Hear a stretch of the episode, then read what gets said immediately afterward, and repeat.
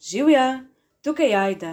Dobrodošli v podkastu Futur za jutr, v katerem se bomo pogovarjali o tem, kako človeka nasititi, zemljo pa ohraniti. In to s tistimi, ki vejo, kaj delajo. Živijo, z nami je Živa Kavka Guba, vodja projekta Aerofood Future v Sloveniji. Dobrodošla. Ja, hvala. A, zdaj zanima nas, Aerofood Future je velik mednarodni projekt. A, koliko organizacij se je povezalo, kako dolgo bo projekt trajal in kaj so glavni cilji projekta? Ja, Aerofood Future je uh, vseevropski projekt z 18 partnerji. Od tega imamo v bistvu tudi tri partnerje, ki so izven Evropske unije, namreč prihajajo iz Južne Afrike, iz Brazilije in Centralne Amerike. Večina evropskih partnerjev pa dela na področjih varstva okolja ali pa potrošništva ali pa tudi človekovih pravic in migracij. Bistvu projekt Our Food Our Future s podnaslovom Hungry for Justice ali lačni pravičnosti je trajnostna prehrana. Torej, v času današnjih izzivov, ki jih imamo na področju podnebnih sprememb, na področju migracij, na področju netrajnostnih dobavnih verig, želimo narediti neke spremembe. Cilji projekta so tako uh, doseči neko dobavno verigo na področju hrane, ki bo trajnostna v smislu, ki bo v celotni dobavni verigi upoštevala vse vidike, to pomeni vpliva na okolje, na podnebne spremembe, lokalne okoljske razmere in pa tudi na ljudi, ki so povezani v celotni verigi preskrbe s hrano, torej hrano, ki, s katero se prehranjujemo mi. To so pridelovalci, prodajalci, posredniki in podobno. Predvsem gre za proizvajalce, za katere pričakujemo, da bodo lahko živeli uh, dostojno in da bodo v bistvu obravnavani tudi dostojno s spoštovanjem človekovih pravic. Hrana ima veliko vpliv na največje izzive, s katerimi se trenutno sooča človeštvo. Kakšen pa je njen vpliv? Vpliv je v bistvu dvostranski. Glede na to, da se hrana, hrana se dotika čist vsakega od nas. Uh, je tudi velik delež uh, pokriva, kar se tiče deleža emisij toplogrednih plinov, če štejemo celotno kmetijstvo in dodamo še proizvodnjo hrano in na to še končni odpadek. Uh, hrana, način, kako mi kaj jemo in na kakšen način jemo, vpliva na, recimo, če vzamem podnebne spremembe, na podnebne spremembe preko emisij toplogrednih plinov, ki nastajajo pri pridelavi pri predelavi, pri embalaži, transportu, skladiščenju in na koncu, konc koncu tudi pri načinu, kako, kako rabimo energijo za pripravo te naše hrane. Poleg tega, da z načinom prehrane vplivamo na recimo, okoljske spremembe in človekove pravice po svetu, vpliva tudi v, drugem, v drugo smer okoljske spremembe, ki so povzročene, vpliva na pridelavo hrane. Namreč veliko hrane je odvisno od tega, kakšni pogoji so. Eh, veliko nekih prehranskih izdelkov je odvisnih od tega, kakšne so podnebne razmere. Tako recimo je vem, najbolj tipičen primer je kava, ker je v bistvu že en, ena, ena stopinja spremembe v podnebju lahko povzroči, da na določenem območju kava sploh ne bo rasla. No. Tako da v bistvu je tak cikel. Način, kako jemo, vpliva na podnebje, podnebne spremembe, okoljske spremembe in hkrati to vpliva na pridelavo hrane in na to, kakšno hrano sploh bomo lahko imeli. Čeprav je projekt mednaroden, je ravno pri hrani zelo pomembno, da ga prenesemo na naš lokalni nivo in govorimo o teme, ki so pomembne prav za naše okolje. Ja, zdaj, recimo, če povzamemo čisto vsak primer, s katerim se obadamo, mora biti prenesen, prenesen na lokalno raven. Namreč Slovenija, če govorimo o lokalnem kot o Sloveniji, torej o mejah naše države, to pomeni, da nekako se spodbuja tudi uh, lokalno pridelano hrano in sezonsko hrano ki je dostopna pri nas. Tukaj je to povezano s samo skrbo, z načinom pridelave te hrane, s podbujanjem ekološkega kmetijstva, uh, ampak ne samo pridelava hrane, tudi konec koncev organizacija potrošnje hrane. Uh, danes imamo sicer že primere, kot so vem, uh, partnersko kmetijstvo, kjer se potrošniki hrane povežemo neposredno s kmetijo in zagotovimo, da bomo odkupovali njihove izdelke skozi celotno leto, kar pomeni, da kmetu zagotovimo stalen prihodek mi imamo pa v bistvu sezonsko, lokalno in ekološko hrano. To sicer ne moremo vedno zagotoviti za vse vrste hrane, zato ker vse vrste hrane niti pri nas ne raste. Uh, zato je ta, to je pa drugi vidik, potem, ki ni lokalen, kjer je pomembno, da kupujemo certificirane izdelke. To je recimo čokolada, kava, avokado, banane in še marsikaj drugega. Ne? Um, lokalno je pomembno tudi zaradi tega, da v bistvu se povežemo, vidimo, odkot sploh prihaja hrana, kakšna je, kako je pridelana in kakšen učinek ima na naše lokalno okolje. Namreč način pridelave, ki je ekološki, bo bolj dobrodejno vplival na neposredno lokalno okolje. Če pa imamo neko ekstenzivno pridelavo z veliko stropenimi snovmi in raznimi agrokemikalijami, sigurno ne bo vplival niti na zdravje ljudi uh, pozitivno.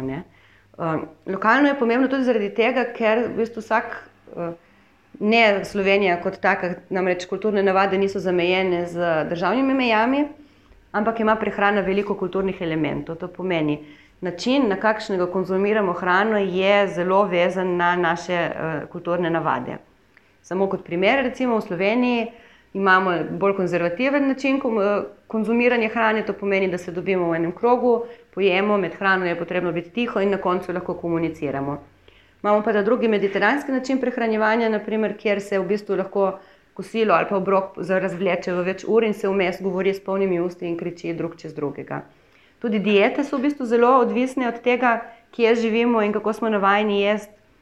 Bodi si diete, ki so vrednostno naravnane, to pomeni vem, recimo veganske diete, etične diete ali pa konc koncev ekološko prehranjevanje, ki je vezano na uh, vpliv na okolje, ali pa ekološko prehranjevanje, ki je vezano na vpliv na lastna telesna in individualno zdravje. To so vse neki elementi, ki jih je potrebno upoštevati pri tem. Zato si želimo s tem projektom približati uh, vse te teme preko našega načina konzumiranja hrane in priprave hrane uh, tudi mladim uh, v Sloveniji. To je v bistvu potem ta specifika, ki jo želimo nagovoriti. Bodi si odvisno od dostopnosti, navad, ki jih imamo pri prehranjevanju, možnosti, ki jih imamo pri pripravi hrane in organizaciji ljudi pri, okoli tega. No. Čeprav smo šele na začetku tega projekta, a, katere so glavne teme, ki jih moramo nasloviti v Sloveniji? Pač povečana samo skrba, način pridelave, več ekološke hrane, podpora lokalni pridelavi. Ja, eno je uh, način pridelave, seveda, nekako se zauzemamo za to, da je čim več hrane pridelano okolju prijazno, ekološko namreč. To pomeni, da v bistvu je v skladu z naravnimi cikli, v skladu s snumi, ki krožijo v naravi in ne škoduje na, uh, lokalnemu okolju in konec koncev niti zdravju. Uh, samo skrba naravnih hrane v Sloveniji je zelo nizka, sploh če govorimo o zelenjavi in sadju. Razen recimo jabolka, jabolka so en takšen primer, kjer uh, smo načeloma samo skrbni. Eh, tako da više, ko je samo skrba, konc koncev večja je spodbuda tudi lokalnim kmetijstvu in uh, lokalni prehrani. Uh, en problem pri pridelavi hrane v Sloveniji je tudi to, da dejansko je povprečna starost kmetov zelo visoka. Pomeni, da se veliko mladih ne odloči za, uh, za to, da ostanejo na kmetijah, za to, da pridelujejo hrano in da sodelujejo v teh procesih tudi konc koncev prodaje hrane uh, potrošnikom, tistim, ki jih ne, recimo, ne pridelujemo. Uh, Uh, se sicer počasi, počasi tudi to spremenja, namreč imamo veliko mladih kmetov, ki se obračajo k uh, vem, starim sortam, lokalni pridelavi, ekološkemu kmetijstvu, združujejo se v združenje, ampak še vedno je to proces, ki je zelo majhen in ni toliko pomemben, če gledamo količinsko, kar se, naše, uh, kar se Slovenije tiče kot države. Uh, tu je v bistvu nekaj takih stvari, ki bi mogli narediti od tega, da bi bila dostopna hrana okolju prijazna in pravična, etična hrana, da bi bila bolj dostopna vsem, eh, da bi bila taka hrana čim bolj dostopna tudi brez embalaže. Eh, in konec koncev, za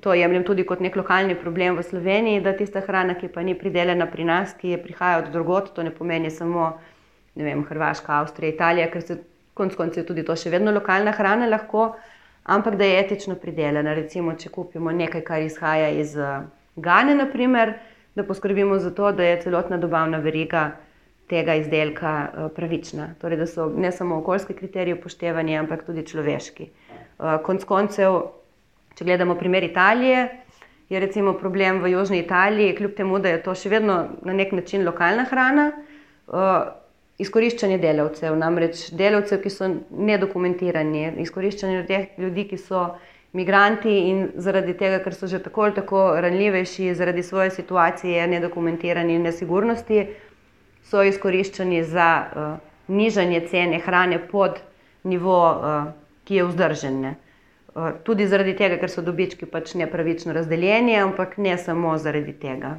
Ko govorimo o hrani, ne moramo mimo problema embalaže. Uh, to se v tem trenutku na zakonodajnem nivoju sicer spremenja saj so v Evropski uniji že sprejete direktive, ki jih trenutno prevajamo na nacionalno raven. Uh, kaj lahko pričakujemo v teh spremembah? Uh, lahko res pričakujemo, da nam bodo proizvajalci zagotovili možnost nakupa hrane v manj embalaži? Ja, to sta v bistvu dve stvari. Ne. Eno je pač hrana brez embalaže, na nek način se že lahko sami skušamo kupovati hrano s čim manj embalaže. Dejstvo pa je, da bi morali se posod upoštevati princip polluter pays, pomeni onesnaževalec plača, torej tisti, ki je kriv za nastanek te to vrstne embalaže, tudi krije stroške te embalaže in da je zavezan temu, da ne proizvaja toliko embalaže, če pa jo že, da je manj škodljiva, ne vem, recimo biorazgradljiva, ponovno uporabljiva in podobno. Ne. Uh, jaz mislim, da lahko pričakujemo, da bo manj embalaže zaradi tega, ker bo zakonodaja konec koncev zahtevala, bo podražila konec koncev embalažo, najmanj kar je, in bo konec koncev zahteve tudi više, uh, kar se tiče embaliranja hrane. Pomeni, da, bo lahko, da bomo lahko dobili hrane z manj embalaže. Kar se pa tiče političnih procesov, ki se dogajajo, se zdi, dogaja en kup procesov, ki so povezani z našim prehranjevanjem. En je ta vidik uh, embalaže, drugi vidik krožnega gospodarstva, tretji vidik je recimo spreminjanje tako imenovane CAP, to je uh, skupne kmetijske politike, tako na evropski ravni, kot tudi na slovenski ravni. Na evropski ravni sicer je bila sprejeta uh, jeseni leta 2020. Uh, ja, na evropski ravni je bila sprejeta jeseni 2020, s tem, da se zdaj v tem trenutku eh, govori in sprejema strategijo, tako imenovano Farm to Fork, oziroma od vil do vilic, ki naj bi zagotovila tudi hrano, ki je znotraj Evropske unije, eh, ki bo bolj trajnostna, ki bo bolj okolju prijazna in ki bo upoštevala, upoštevala tudi človekove pravice. Um, ta strategija naj bi se nekako do 2030 uh, prijela, bomo rekli, eh, na ta način, da bi bila tudi usklajena z zelenim dogovorom, ki ga nekako ima svoj, zdaj trenutno Evropska komisija kot pomemben instrument prehoda na trajnostne sisteme, ki nam ne bojo pač spodkopavali našega planeta izpod nog. Poleg tega se v bistvu na ravni Evropske unije spremenja tudi zakonodaja na področju due diligence oziroma dolžne skrbnosti, kar poenostavljeno pomeni, podjetja, ki bojo nekaj prodajala ali pa predelovala v Evropski uniji, bodo morala uh, nositi odgovornost za vse posledice vzdolž oskrbovalne verige. Pomeni, da če bo to podjetje krivo ali pa ta izdelek kriv za okoljsko škodo ali pa škodo na področju človekovih pravic uh, nekje drugje izven Evropske unije, bo moral nositi odgovornost za to. Tako da v bistvu se uh, usporedno različne zakonodaje sprejemajo, ki pa vse nekako vodijo v trajnostno hrano, ki bo imela manjši vtis na okolje in na človekove pravice. Vprašanje pa je, koliko bo to zdaj zavezujoče, kakšne bodo sankcije in kako se bo to kontroliralo. To bomo pa morali še sproti uh, ugotavljati. No. Poleg tega, mogoče, če omenim, se dogaja ne samo uh, te uradni procesi na ravni politik, na ravni zahtev Evropskega parlamenta, na spodbudah Evropske komisije in tudi nekaterih nacionalnih držav, Eh, pri nas smo, kar se tega tiče, še vedno malo bolj konzervativni, če ne temu bolj na mehko rečem. Uh, vidimo, da se tudi skupnosti zbujajo in zahtevajo bolj trajnostni sistem. Namreč izkazalo se je na primeru Nizozemske, recimo pa Francije, da dejansko podjetja morajo nositi odgovornost za vplive, ki jih povzročajo. To so tudi velika podjetja, ki se ukvarjajo s hrano ali pa proizvajajo embalažo in bojo morali za svoj prispevek, negativni prispevek k okoljskim spremembam, podnebnim spremembam, tudi same uh, zmanjšati svoj vpliv in hkrati plačati za negativni vpliv, ki so ga imeli. To sta bili v bistvu dve tožbi, ki sta bili uspešni in sta pokazali, da je neke vrste precedens, da če ne bojo pravila dovolj zavezujoča, se bo potem uporabljalo druge poti, ki bojo uh, nekako vodile v to, da bo sistem postal bolj pravičen, bolj etičen. Torej, v bistvu dotaknemo se bomo še zadnjega vprašanja, ki se glasi, kaj lahko že danes storimo kot posameznik, da zmanjšamo negativen vpliv predelave in odpadne hrane na okolje in pa ljudi sami. Ja, kot posamezniki lahko naredimo celo plejado stvari. Ne? Že dejstvo je, da vsak od nas nekaj je. Torej, z izborom hrane, ki jo jemo, ki jo damo na svoj krožnik, tudi v bistvu pošiljamo na nek način politično sporočilo.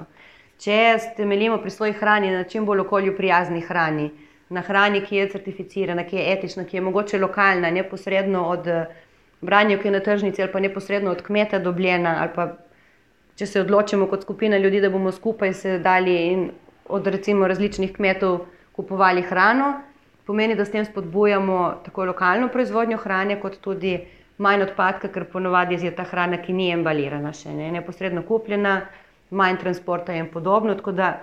En, en, kar, eno, kar lahko naredimo, je, da kupujemo hrano, če že ne moremo pridelati, seveda, ki je sezonska, lokalna, ekološka, etična iz sistema pravične trgovine.